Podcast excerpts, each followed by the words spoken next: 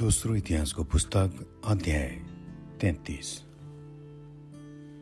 यहुदाका राजा मनस्से। मनस्से राजगद्दी आरोहण गर्दा बाह्र वर्षका थिए। तिनले पचपन्न वर्ष एरुसलेममा राज्य गरे। परमप्रभुले इजरायलीहरूका सामुन्यबाट धपाउनु भएका जातिहरूका घिनलाग्दा चालहरूमा हिँडेर तिनले परमप्रभुको दृष्टिमा जे खराब थियो त्यही गरे। तिनका पिता हिजकियाले नाश गरेका डाँडाका थानहरू तिनले फेरि बनाए। तिनले बाल देवताहरूका निम्ति वेदीहरू खडा गरे अनि असेरा देवीका मूर्तिहरू बनाए। तिनले आकाशका सारा तारामण्डलको सामु निहुरेर तिनलाई पुजे। तिनले परमप्रभुको मन्दिरमा वेदीहरू बनाए। जुन त्यस मन्दिरको विषयमा परमप्रभुले यसो भन्नुभएको थियो एरुसेलेममा नै मेरो नाउँ सदा सर्वदाको लागि रहनेछ। तिनले आकाशका सारा तारामण्डलको निम्ति परमप्रभुको मन्दिरका दुवै चोकमा वेदीहरू बनाए। तिनले आफ्ना छोराहरूलाई बेन हिमोनको बेसीमा आगोमा होम गरे। तिनले टुनामुना गरे र जोखना हेरे। तिनले तन्त्र मन्त्र गरे र भूत प्रेत र पिचासहरू खेलाए। तिनले परमप्रभुको दृष्टिमा साह्रै खराबी गरे र उहाँलाई रिस उठाए। तिनले बनाउन लागेको मूर्ति परमेश्वरको मन्दिरभित्र राखे। जुन मन्दिरको विषयमा परमप्रभुले दाउद र तिनका छोरा सोलमनलाई यसो भन्नुभएको थियो मैले इजरायलका सबै कुलहरूमध्ये चुनेको यो मन्दिर र एरुसलेममा म सदा सर्वदाको निम्ति मेरो नाउँ राख्नेछु यदि तिनीहरूले मेरा सबै आज्ञा मानेर मेरो दास मोसाले तिनीहरूलाई दिएका सबै विधिविधान र नियमहरू होसियारसित पालन गरे भने मैले तिनीहरूका पुर्खाहरूलाई दिएको देशबाट इजरायलीहरूलाई म फेरि पर हटाउने छैन। तर परमप्रभुले इजरायलको सामुन्ने नाश गरेका जातिहरूले भन्दा पनि धेरै खराबी गरेर मनस्यले यहुदा र एरुसलेमका बासिन्दाहरूलाई कुपथमा चलाए। मनस्य र तिनका मानिसहरूसित परमप्रभु बोल्नुभयो तर तिनीहरूले वास्ता गरेनन्।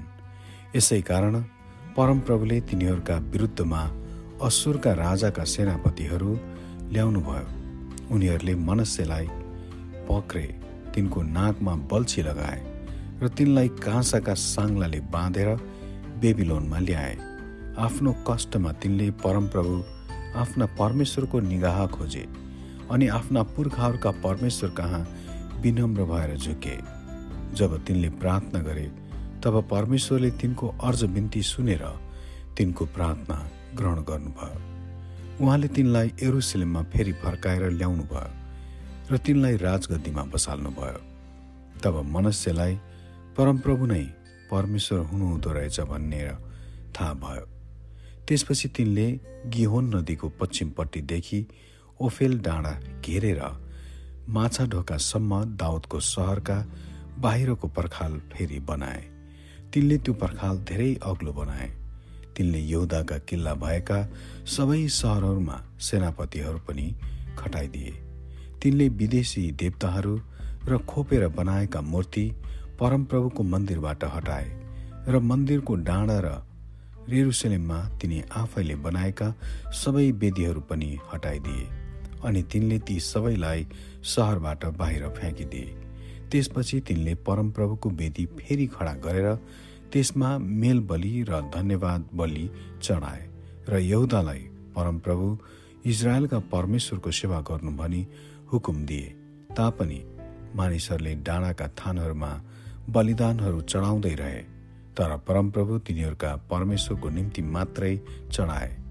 मनुष्यको राजकालका अरू घटनाहरू र तिनका परमेश्वरलाई चढाएको तिनको प्रार्थना र परमप्रभु इजरायलका परमेश्वरको नाउँमा दर्शीहरूले तिनलाई बोलेका वचनहरू इजरायलका राजाहरूका इतिहासको पुस्तकमा लेखिएका छन्। आफैलाई विनम्र तुल्याउन अघि तिनको प्रार्थना र परमेश्वरले कसरी तिनको अर्जबिन्दी ग्रहण गर्नुभयो अनि तिनका सबै पाप र अविश्वासका काम तिनले बनाएका डाँडाका थानहरू र असेरा देवीका खम्बा र मूर्तिहरू यी सबै दर्शीहरूका इतिहासको पुस्तकमा लेखिएका छन्। मनस्से आफ्ना पित्रहरूसित सुते र आफ्नो महलमा गाडिए। तिनीपछि तिनका छोरा अमोन राजा भए। यहुदाका राजा अमोन। राजगद्दी आरोहण गर्दा अमोन बाइस वर्षका थिए।